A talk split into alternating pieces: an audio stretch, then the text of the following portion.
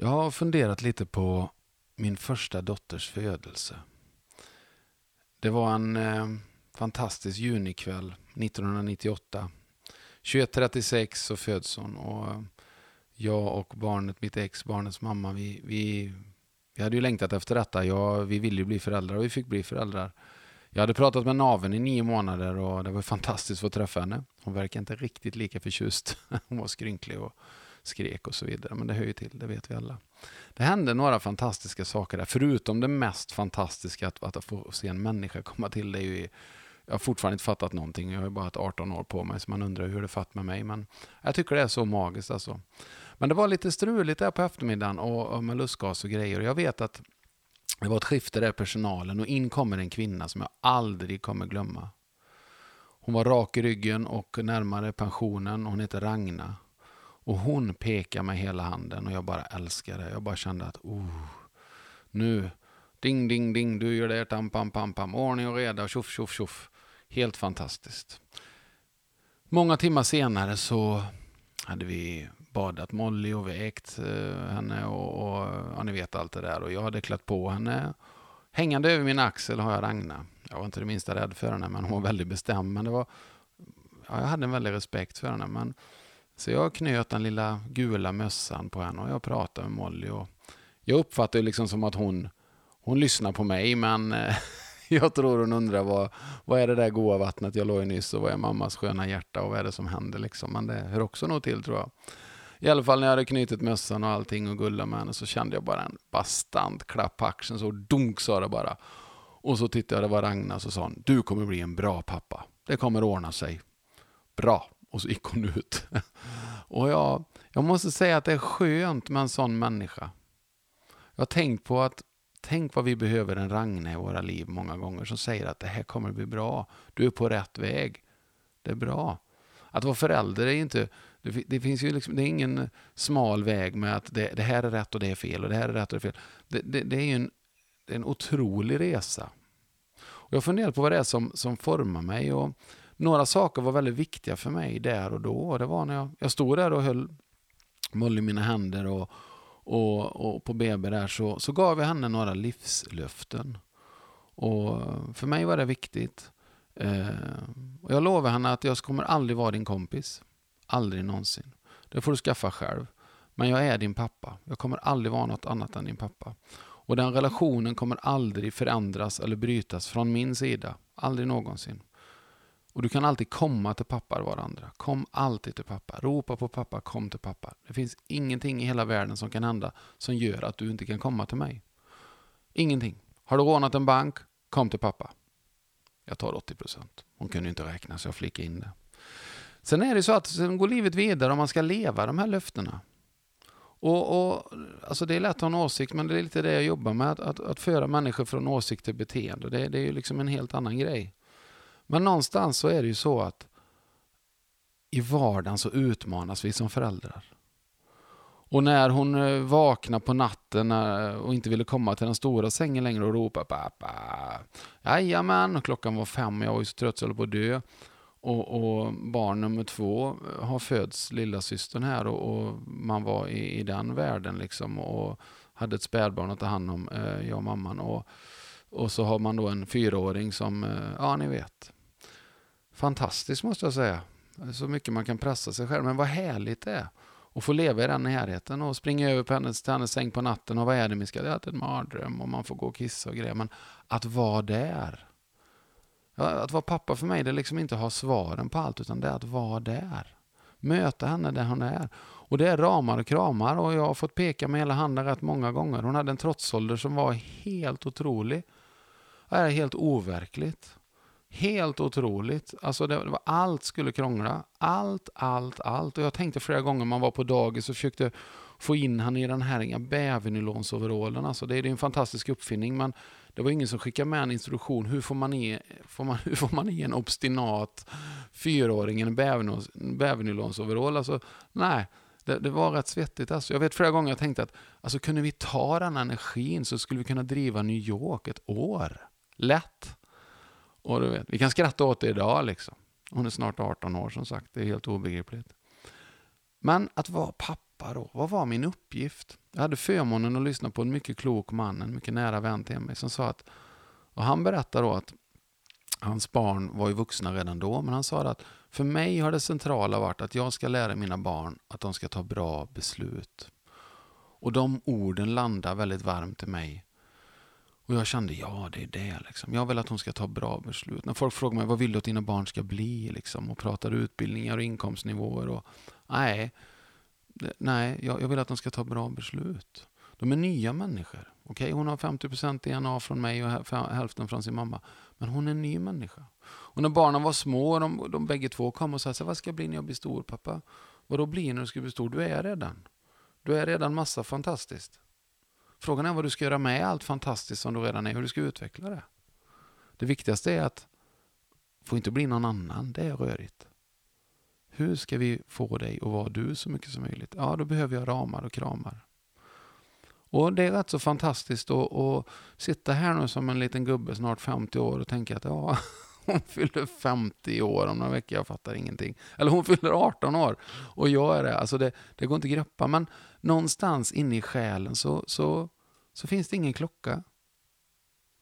Det är precis som det alltid varit, att jag är pappa och hon är dotter och mina döttrar. Och för mig så är jag så tacksam att jag fått leva nära detta. Och jag vet när jag gjorde min, min, min föreställning Livet är en fest men hur blir jag bjuden? Då lirar jag ju åtta låtar och det är ju en sju, åtta minuter snack inför varje låt. Och, och det är ju en låt om, om hur det är att vara pappa, min syn på föräldraskap och den heter Kom till mig. Eh, och jag vet när jag skrev den så funderade jag mycket på vad som format mig som pappa och så vidare. Och jag kom fram till att det finns en person som, som har betytt otroligt mycket för mig i min roll som pappa. Och, och, och som har hjälpt mig att bli den pappan som jag drömt om att bli.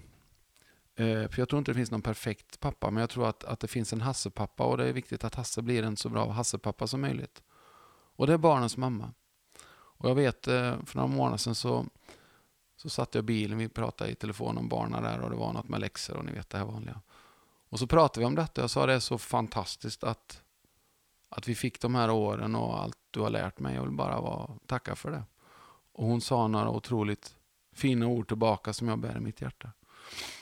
Men vad är det då som gör att det är så svårt att vara pappa? Det är så många som tvivlar och så vidare. Och, vi, och det kanske är så att vi brottas med våran uppväxt. Det finns så mycket sår och saker i oss som är jobbigt. Och det är så lätt att säga att min barndom är där, den ska stanna där, nu ska mina barn få en annan barndom. Men din barndom bär du ju inom dig själv. Men frågan är om det verkligen är så att ska verkligen barn, varför du hade det jobbigt, ska dina barn få det jobbigt? Jag har ju faktiskt ett ansvar att städa upp lite i mitt huvud. Liksom städa upp i min själ och lyssna på mig själv. De ska inte betala priset för det. Det finns inte. Och, och någonstans så, så är det samma sak när, när jag och mamma skilde oss. Det finns inga lyckliga skilsmässor. Inte någonstans, men de kan ske med mer eller mindre värdighet. Och det, det är, deras mamma är en helig person. Jag, har, jag kommer aldrig säga ett ont ord om henne. Och jag, kan, jag lovar att vi varit osams, vi har tyckt på det ena och det andra, absolut. Vi är skilda liksom, hallå eller? Men vem är hon för barnen? Och det är en klok människa. Och hon, vi sa det bägge två i skilsmässan. Vad vill vi att barnen berättar om 15 år? Vad vill vi att de berättar då? För de var de enda som inte hade ett val. Och den tanken har varit viktig för oss i vårt föräldraskap. Och vi kan vara som främlingar idag. Vi är nya människor, vi lever nya liv. Men hon är barnens mamma och jag är barnens pappa. Och vi kommer alltid ha den kopplingen. Och den kopplingen är helig och den, den måste vi hålla fin, ska man säga så. Och det sköna är, tycker jag, att vara pappa, det är att det finns inget facit riktigt. Man får prova sig fram. Jag är den sämsta kocken i världshistorien och det är en stor ångest för mig när barnen frågar vad ska vi äta idag? Jag, jag är en katastrof. Jag har svart bälte i flingor och mjölk. Jag skulle kunna köpa, skriva en kokbok. 5000 recept på flingor och mjölk. Jag har några variationer och så vidare. Men det är viktigt att barnen får mat. Jag, jag är kass på det. Usch, och det är jättejobbigt. Men Å andra sidan så, så säger jag inte detta för att ursäkta någonting. Utan det är snarare så att jag är bra på andra saker. Och jag måste våga säga till mig som pappa att det här är jag bra på. Och jag också tycker det är skönt att säga till barnen att jag tycker så här, punkt slut. Och jag vet en gång när Molly fyllde år, jag kommer faktiskt inte ihåg om det var 14 eller 15, och så här, vi skulle vara här hemma och ha lite mysigt. Så, här, och Så sa han att, nej men, men du måste jag sitta här, kan inte jag få hänga med några kompisar ut? Och, min instinktiv kände, men hallå du fyller ju år, du, du, du ska ju vara här liksom. Men då kom jag på att det, det, är ju för mig bara, det är ju hennes födelsedag. Hon är inte tre år längre. Och då får jag ju säga det, Molly, jag, jag håller med dig, jag tänkte, jag tänkte fel, jag, jag tänkte annorlunda, jag tänkte så här och jag, jag tycker inte den tanken funkar längre utan jag håller med dig, det är självklart att du ska träffa några kompisar min skatt. Vilken tid kommer du hem? Vad blir lagom? Och så har man en diskussion om det. Och våga säga hur det är att vara pappa. Vi hade en diskussion i hallen en gång och, och, och hon gillar inte det här med tider. Jag vet inte om någon annan tonårsförälder kanske känner igen detta lite. Men... Och då sa jag, det är ju så här att jag är juridiskt ytterst ansvarig för dig. Även om jag inte älskar dig så är jag det. Och nu är det så att jag älskar dig också överallt i hela världen. Och då, då är det ju så att jag måste veta vissa grejer. Vi måste ha vissa ramar och kramar här. Och nu är det rätt mycket ramar. Men jag vill att du ska ha så kul som möjligt, jag vill att du ska ha jätteroligt. Men kan vi på något sätt se till så att du har jätteroligt utan på något sätt rucka på mitt ansvar? Och det är ju fantastiskt med, med barn, alltså hur de plötsligt kan säga, ja men okej, jag fattar, men då tycker jag vi gör så här. Va? Jag tänkte bara, ja det får ni inte säga till henne, men jag var ju inte i närheten så klok när jag var i den åldern. Hallå eller? Uff. Nej, våra barn är magiska. Och frågan är vilka som är våra barn. Jag är mina barn, alltså de, jag, när de frågar mig vem älskar du mest? Ja, så, så, så pekar jag på bägge två dig. Ja, men vem? Ja, jag älskar båda mest. Så är det med pappakärlek. Den kan aldrig ta slut, den kan aldrig förminskas. Den är max på bägge. Den ena kärleken konkurrerar inte med den andra. Det är bara max. Och det är fantastiskt. Men då är det så, det, det jag säger där, det är inte lätt.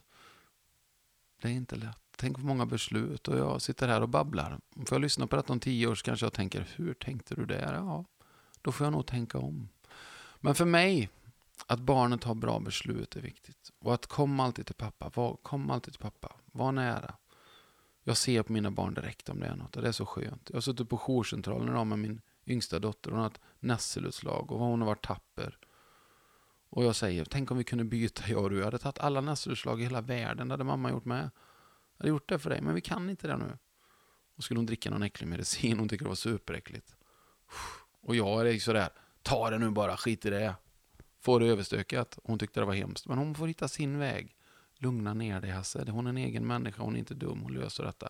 Tagga ner nu, ja just det, just det, just det.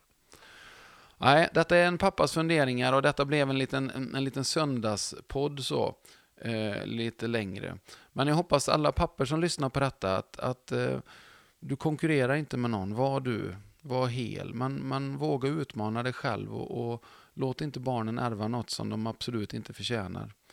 Absolut inte. De behöver ramar och de behöver kramar. Och de ska ta bra beslut. Det är väl det som är tänkt. Och det kommer aldrig vara smärtfritt att älska någon så mycket som jag älskar mina barn. Det kommer alltid vara oroligt, det kommer alltid göra ont. Varje sekund jag är inte med dem. Men det hör till och jag tar det varje dag i veckan. För mig så är det det mest fantastiska i mitt liv att jag får vara den här närvarande pappan med mina två döttrar. Om jag är perfekt? Nej, det är jag inte. Å andra sidan finns inte den perfekta pappan, så jag, jag tycker det är okej. Okay.